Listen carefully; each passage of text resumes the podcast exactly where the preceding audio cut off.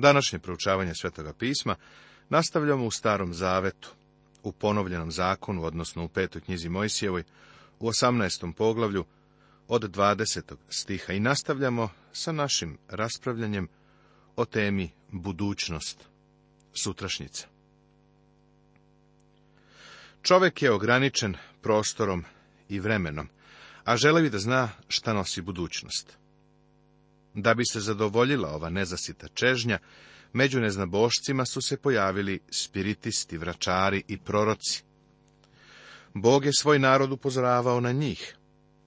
Ova praksa je u svom poreklu bila povezana sa idolopoklonstvom i satanizmom. Da li su oni mogli da izveste o budućnosti?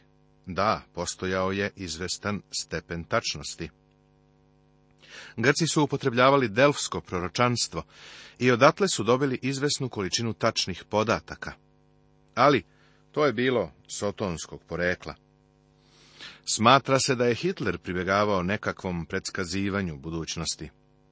Znam da u naše vrijeme u Vašingtonu, na primjer, vračari imaju mnogo posla. Oglasi po svim gradovima će pokazati da vračari vrlo lepo zarađuju za život pogađajući budućnost. Budućnost je oblast u kojoj čoveku nikada nije bila data vlast. Samo Bog može da predvidi budućnost i ona pripada njemu. Jedinstveni karakter Božje reči sastoji se i u tome da ona prevazilazi sadašnjost. Za mene je najveći dokaz da je Biblija Božja reč ispunjenje proroštava.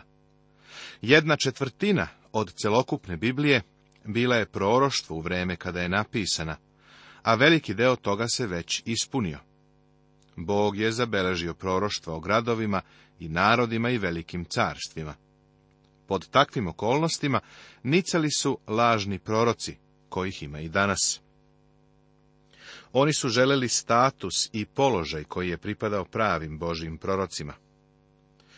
Kako će se Izrael zaštititi od lažnih proroka? Bog postavlja test, proveru, na osnovu koja oni mogu biti sigurni da je čovek ili prorok Božiji, ili je lažni prorok. Provera za određivanje pravog i lažnog proroka. Među narodom je bilo lažnih proroka, to je jasno. Nažalost, Izrael nije želeo da primenjuje Božija pravila, na osnovu kojih bi ih identifikovao. U knjizi proroka Jeremije nalazimo stih, 14. poglavlje, 14. stih, a gospod mi reče, laž prorokuju ti proroci u moje ime, nisam ih poslao, niti sam im zapovedio, niti sam im govorio. Lažne utvare i gatanje i ništavilo i prevaru srca svojega oni prorokuju. Lažnom proroku je bilo dosta lako da govori o nastupajućem carstvu, vekovima unapred. Prorok Jeremija je govorio o budućnosti. Kako onda čovek može da zna koji je prorok pravi? Danas to možemo znati jer se veliki deo Jeremijinog proroštva ispunio. Ali kako su ljudi u to vreme kada je govoreno mogli to znati? Pa, Bog je postavio vrlo precizan test. Poslušaj ga. Ali prorok koji bi se usudio govoriti što u moje ime, što mu ja ne zapovedim da govori, ili koji bi govorio u ime drugih bogova, taki prorok da se pogubi. Ako li rečeš u srcu svojem, kako ćemo poznati reč koje nije gospod rekao? Što bi prorok rekao u ime gospodnje, pa se ne zbude i ne navrši se? To je reč koje nije rekao gospod, nego je iz oholosti rekao onaj prorok, ne boji ga se. Hajde da malo ovo pogledamo. Isaija je Božiji prorok, pravi Božiji prorok. Kako to znamo? Prorokovao je da će devojka zatrudneti i roditi sina. Jasno je označio dolazak gospoda Isusa, njegovo rođenje, život i smrt. Pretpostavimo da je neko pitao Isaju kada će se sve to dogoditi. Isaija bi mu odgovorio da nije sasvim siguran, ali možda za nekoliko stotina godina. U stvari bilo je to za sedam godina. Tada bi mu se narod smejao i rekao da oni nikada neće saznati da li je on govorio istinu ili ne. Njihov test se sastoja u tome da predskažu nešto o lokalnoj situaciji što treba odmah da se desi i da budu potpuno precizni. Nisu smeli da propuste ni jednu sitnicu. Svaka netačnost bi ih diskvalifikovala kao pravog Božijeg proroka. Hajde da sada ponovo pogledamo Isaju. On je prorokovao o devičanskom rođenju. Danas se mi okrećemo unazad, na vreme od pre 2000 godina, i znamo da je to proroštvo bilo tačno. Ali, kako su ljudi u njegovom vremenu to mogli znati? Mogli su to znati zato što je Isaija otišao kod cara Jezekije sa proroštvom o tekućem lokalnom događaju. Tamo je stajala velika asirska vojska spremna za borbu. Veseli vojnici su opkolili grad, ali je Isaija rekao da nijedna strela neće ući u grad. Ovi asirci su pobeđivali druge narode, bili su tu da bi pokorili Jerusalim i da bi porobili Izrael. Isaija im je rekao šta Bog o svemu tome kaže. Zato ovako veli gospod za cara Asirskoga.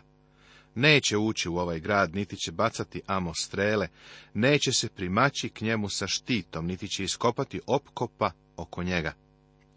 Vratit će se putem kojim je došao, a u grad onaj neće ući, veli gospod. Ovo je zapisano u knjizi proroka Isaije u 37. poglavlju 33. i 34. stih.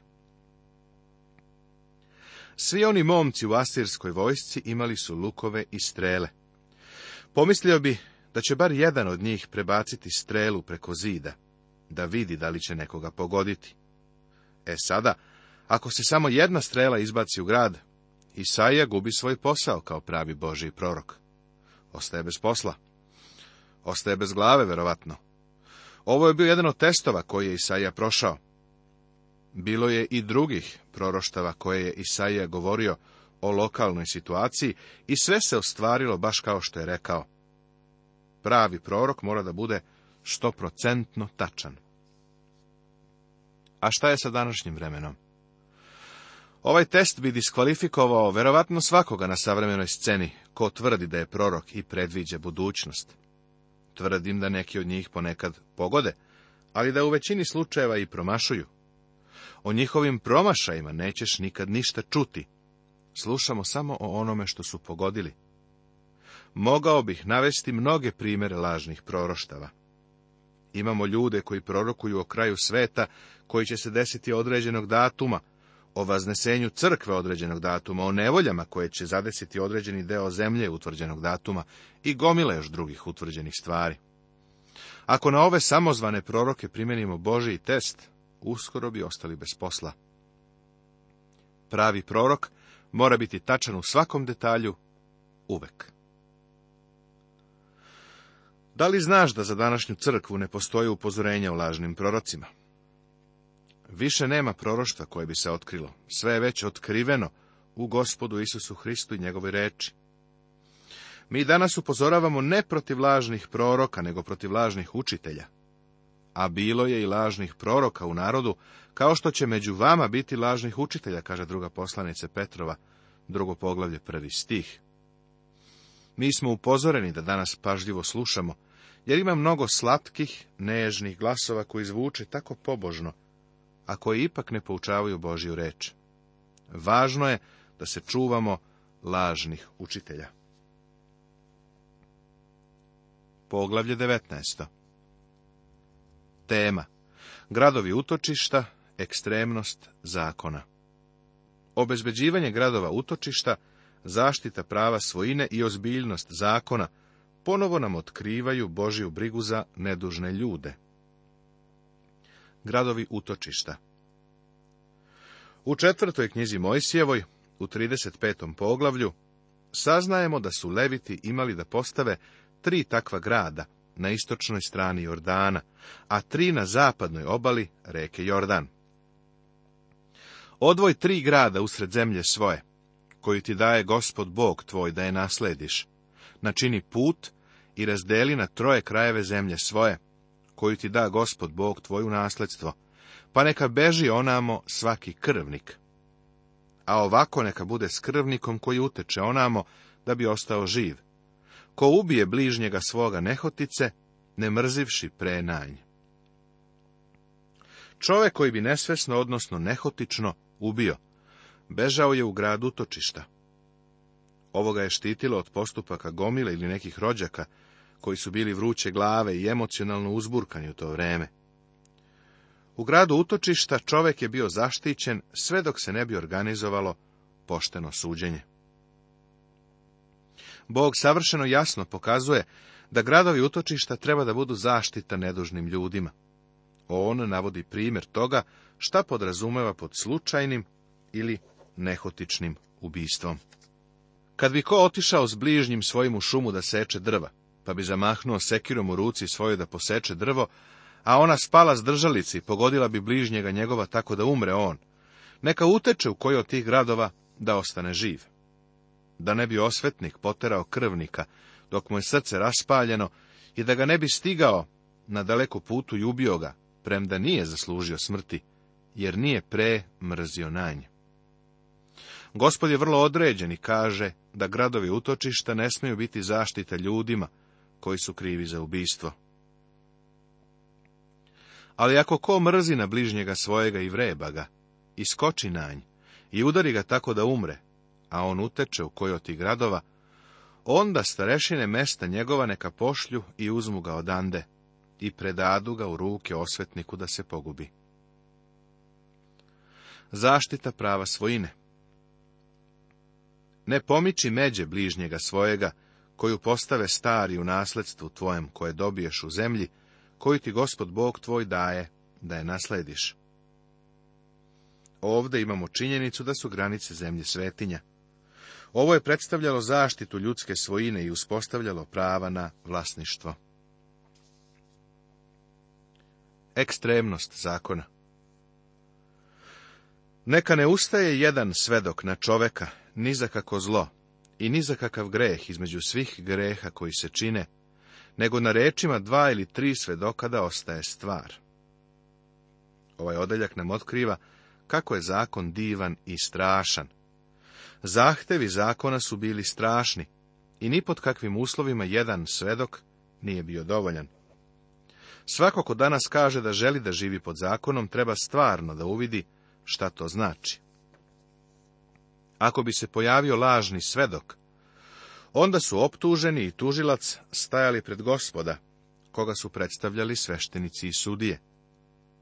Ako je sudija odlučio da je svedok lažan, onda sve ono što je on tražio da se učini optuženom, činilo se samom njemu. To mu je bila kazna. Na taj način zlo je bilo uklanjano iz naroda. O ovome govore stihovi od 16. do 20 u 19. poglavlju.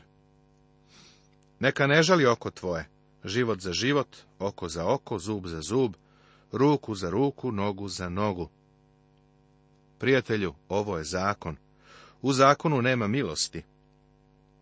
Zahvaljujem Bogu da mi gospod ne sudi po zakonu. On me spasava blagodaću. Da me je spasavao zakonom, bio bih zauvek izgubljen, jer nikada ne bih uspeo da dorastem zahtevima zakona. Zakon je zakon, tako nemaran stav imamo prema njemu danas, ali Bog sprovodi svoj zakon. Važilo je oko za oko, zub za zub. Tako sam zahvalan Bogu što je Isus Hristos platio kaznu zakona, tako da za grešnike ima oproštenja. Tron Boži je postao mesto, zaklopac milosti, jer je Hristos umro i tu je prskana njegova krv. To je krv zaveta. Bog nas spasava blagodaću. Mi nismo uspjeli da održimo zakon, prekršili smo ga. Pred Bogom smo svi krivi. Hristos je platio kaznu, pa su zahtevi zakona ispunjeni. Sada Bog može da spase grešnike svojom čudesno beskrajnom divnom blagodaću. Poglavlje 20. Tema Zakoni o ratu Peta knjiga Mojsijeva je vrlo praktična. Dotiče se i života koji mi danas vodimo. Iako su ovi zakoni dati Izraelu, postoje izvesni osnovni principi koji doprinose sreći i dobrobiti celog čovečanstva, ako se uključuju u zakone savremenih naroda. Uveren sam da ljudi koji su prvobitno načinili naš ustav u Americi, bili biblijski orijentisani.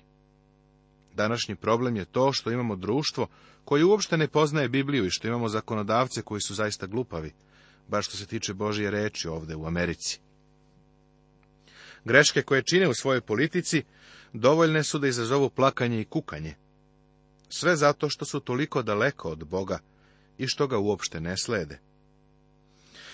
Peta knjiga Mojsijeva pokriva probleme koje Washington nastoji da reši na sobstveni način. Naši zakonodavci se godinama rveju sa tom problematikom. Bavili su se pitanjem mladiće koji služe u oružanim snagama. Muče se otkrivajući pod kakvim uslovima čovek treba ili ne treba da služi. Izrael je imao iste probleme. Bog je postavio izvesna osnovna pravila koja će čoveka zaštititi od odlaska u rat. Iskreno govoreći, mišljenja sam da danas ne bismo bili u haosu, da je naša vlada ovdje u Americi obratila pažnju na Božije zakone u vezi sa ovim. Zakoni o ratu Kad otideš na vojsku, na neprijatelja svojega, i vidiš konje i kola i narod veći od sebe, nemoj se uplašiti od njih, jer je s tobom gospod Bog tvoj, koji te je izveo iz zemlje Misirske. Evo nečega što je za Izrael bilo vrlo značajno, a verujem da je tako i danas za nas važno. Često vidimo onaj moto vodite ljubav, ne rat. Možda zvuči dobro, ali je poput drugih takvih natpisa opet besmislen. Živimo u grešnom svetu, u kome je čovekovo srce strahovito zlo, pa postoji vreme kada se vodi rat. Postoji vreme u kome se moramo zaštititi. Postoje i ratovi u kojima je Bog na jednoj strani.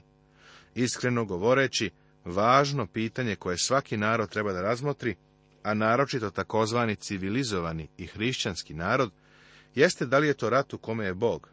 Ako on nije tu, onda ni mi ne treba da smo u njemu.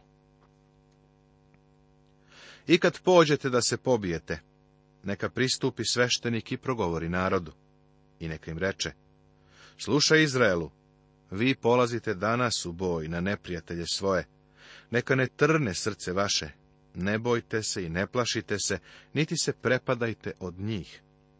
Jer gospod Bog vaš ide sa vama i bit će se za vas sa neprijateljima vašim da vas sačuva. Evo nečega vrlo važnog u ratu. Budi siguran da si na Božjoj strani, Bog im je zapovedio da ratuju protiv ovih naroda i obećao im je da će biti sa njima. Sada Bog postavlja četiri uslova ili četiri opravdanja pod kojima ljudi neće odlaziti u rat. Potom i vojvode neka progovore narodu i reku, ko je sagradio novu kuću, a nije počeo sedeti u njoj. Nek ide, nek se vrati kući svoje da ne bi poginuo u boju, a drugi počeo sedeti u njoj. Ako je čovjek sazidao novu kuću, a još nije imao prilike da u njoj živi, nije išao u rat. Zašto? Zato što bi njegovo srce naravno bilo tamo u toj novoj kući. On je svoje srce usmerio ka njoj. Želeo je da živi u novoj kući i za to mu je, eto, ukazana prilik. I ko je posadio vinograda, još ga nije brao. Neka ide, nek se vrati kući svoje da ne bi poginuo u boju, a drugi ga brao. Ovi ljudi su bili zemljoradnici. Evo čoveka koji je tek započeo posao. Upravo je posadio vinograd. Pošto nije imao priliku da jede njegove plodove, on ne ide u rat. Njegovo srce je u tom vinogradu, njegov interes je tamo. Takav čovek treba da ostane dok ne bude jeo plodove svoga vinograda, dok se ne utvrdi u poslu. U protivnom, mogao bi poginuti u ratu, pa bi neko drugi brao plodove njegovog rada. Ovo je vrlo zanimljivo, zar ne? I ko je isprosio devojko, još je nije odveo. Neka ide, nek se vrati kući svoje da ne bi poginuo u boju, i drugi je odveo. Evo mladića koji je verio devojku i pravi planove. Ni on ne ide u rat. Zaljubljen je u devojku i želi da se oženi njom. Neka ostane kod kuće i neka se oženi. Tu je njegovo srce, ne treba da ide u rat nastavit će se.